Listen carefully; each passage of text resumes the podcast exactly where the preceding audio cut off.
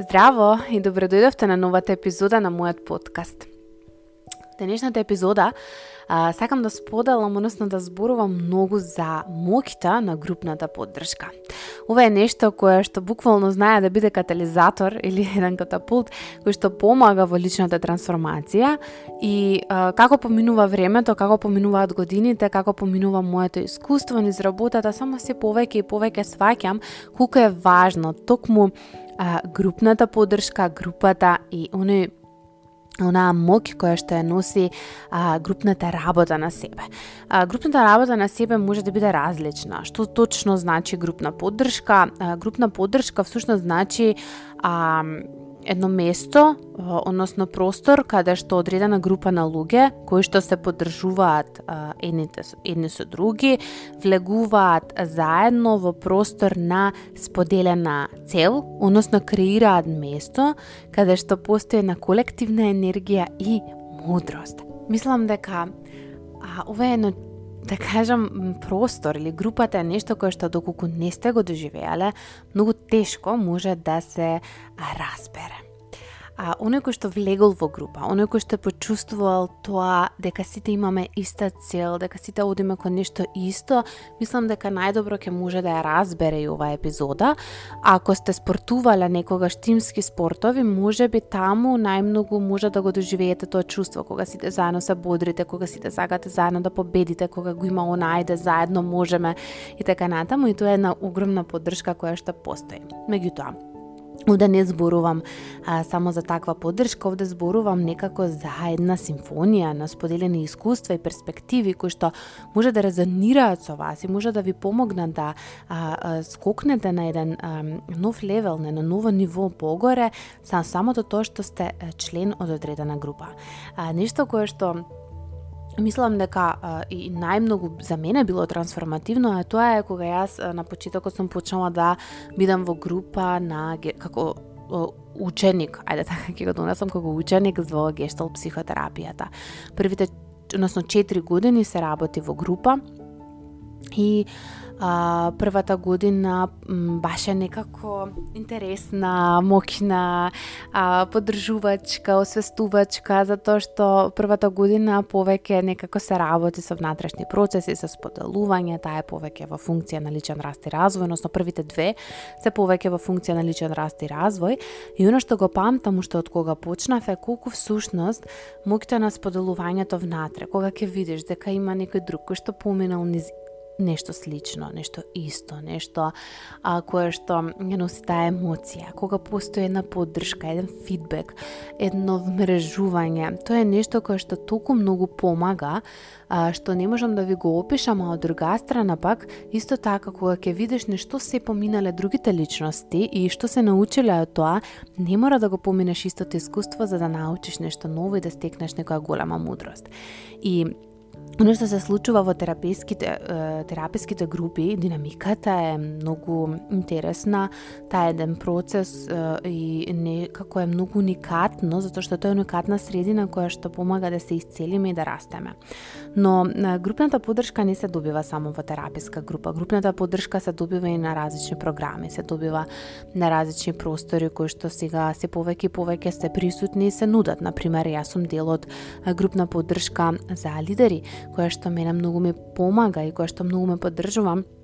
затоа што сум обколена со обкружена сум со личности кои што се на некое слично патување, кои што имаат различна визија и цел. А, меѓутоа, пак се тука за да се поддржа на некој начин целта која што имаме во групата е иста, да развиваме лидерски вештини, да а, го проучуваме нашето место на авторитет и така натаму, да се развиваме и да се поддржуваме едни со други во оваа приказна. Исто така сум а, во група која што е и супервизиска и а, често а, сум во група на одредени програми. Во овој момент, баш во овој месец, некако тоа ми е ставено на пауза и најверојатно оваа година нема да сум премногу активна во некоја таква група, меѓутоа сум активна во нешто друго. Често сум а, члени во некоја бизнес група, доколку нешто работам кое што е важно за мојот развој. Оно што сакам да го донесам е дека групата, групната поддршка и друштвото кое што може да го имаме, доколку е а, некако а, однос кој што го храниме, кој што ни прија, кој што е добар за нас, исто така може да го има тој бенефит. Најчесто, а, онаа различноста која што се наоѓа во групата, тоа е на тапесерија, на да ја би кажала на фидбек, на огледала, на ам, инсайтс, некои што ги имаат другите, знае да биде многу трансформативно. А, и затоа во групен сетинг а, индивидуата може да сведочи исти или различни, тотално различни ам, или слични или патувања, каде што почнува полека да негуве чувство на припадност. И а, тука се намалува оно чувство на изолација, на изолираност која што многу често го имаме. Чувството на припадност ни е многу важно. Затоа личности кога ќе се одселат, кога се некаде далеку, кога имаат токсична семена средина, многу им е важно да имаат чувство на припадност. На сите ни е важно чувството на припадност. Сушно чувството на припадност е една од примарните над физиолошките потреби што ги имаме.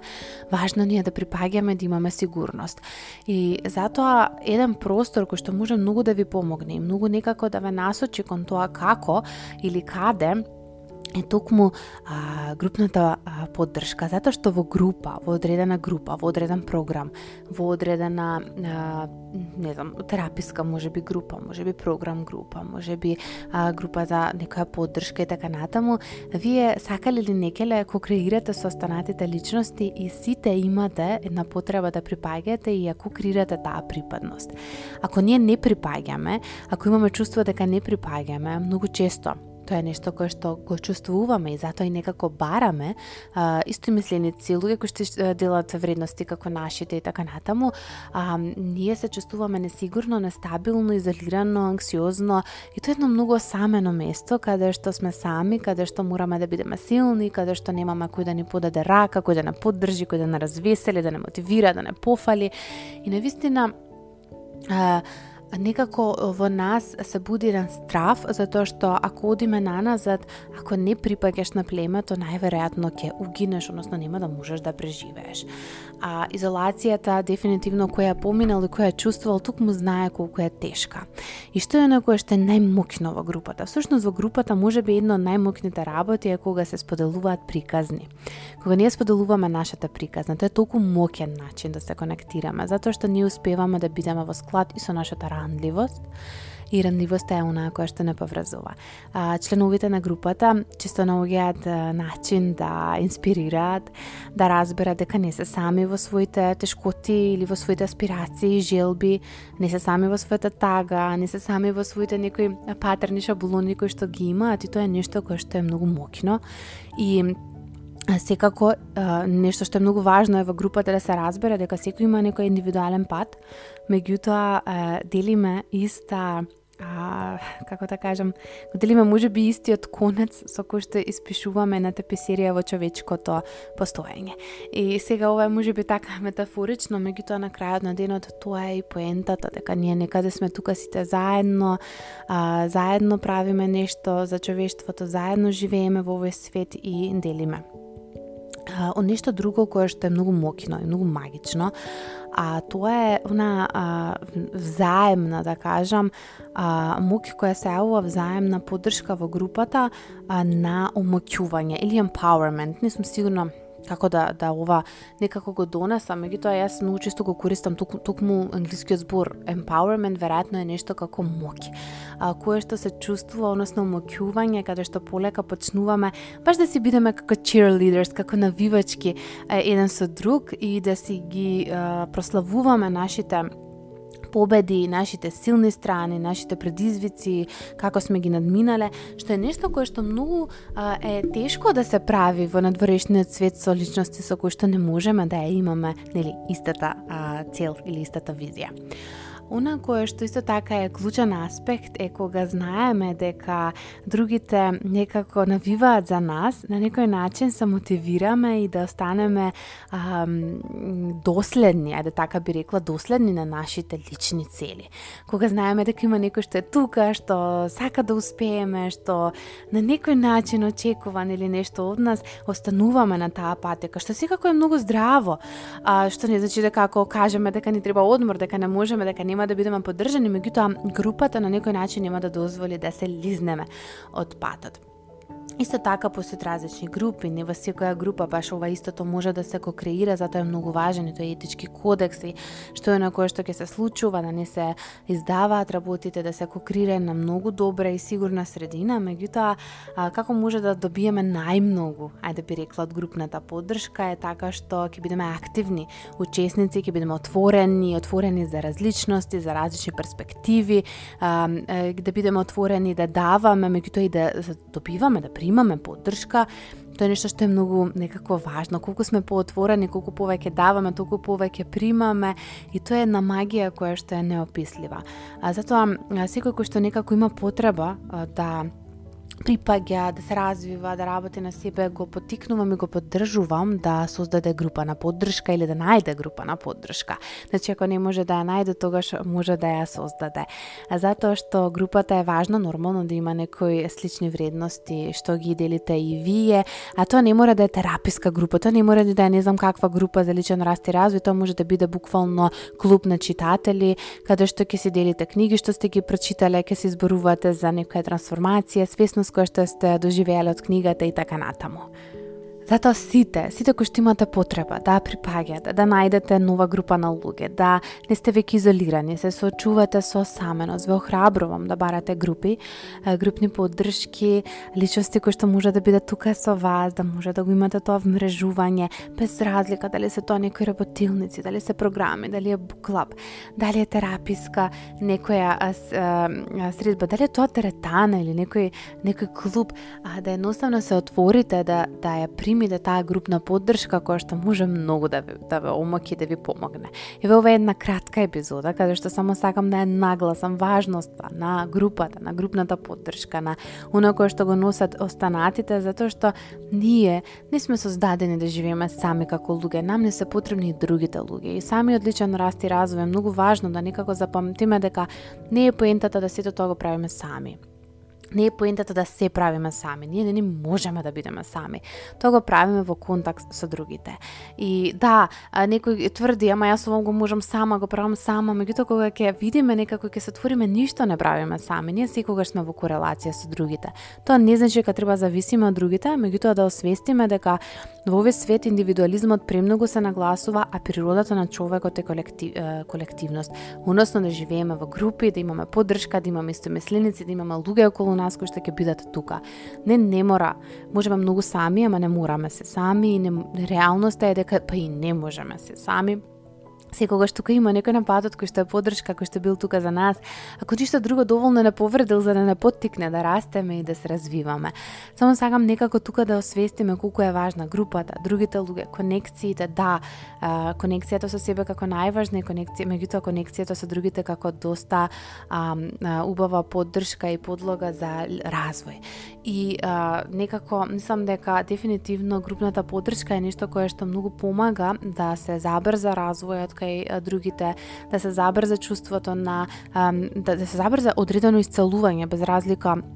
што е, сигурно сте виделе групи за откажување од алкохолизам или од а, некоја друга зависност, значи самата група поддршка дава и помага. И тоа е оној момент каде што некако не го правиме само за нас, го правиме за поголема добро, го правиме за другите, го правиме за обштеството. И тоа е многу голема моќ И затоа не бегајте од другите луѓе, не го правете ова сами, никогаш некако не а, толку многу а, форсирајте да работите секогаш бидат сами, никој да не знае, да да е сокриено и така натаму, туку напротив, отворете се да биде а, отворено, споделено, а, да се мотивирате, да поддржувате, да ве поддржуваат, тоа едноставно биде еден простор на а, многу силна а, моќ која што ја добивате токму и од контактот со другите личности.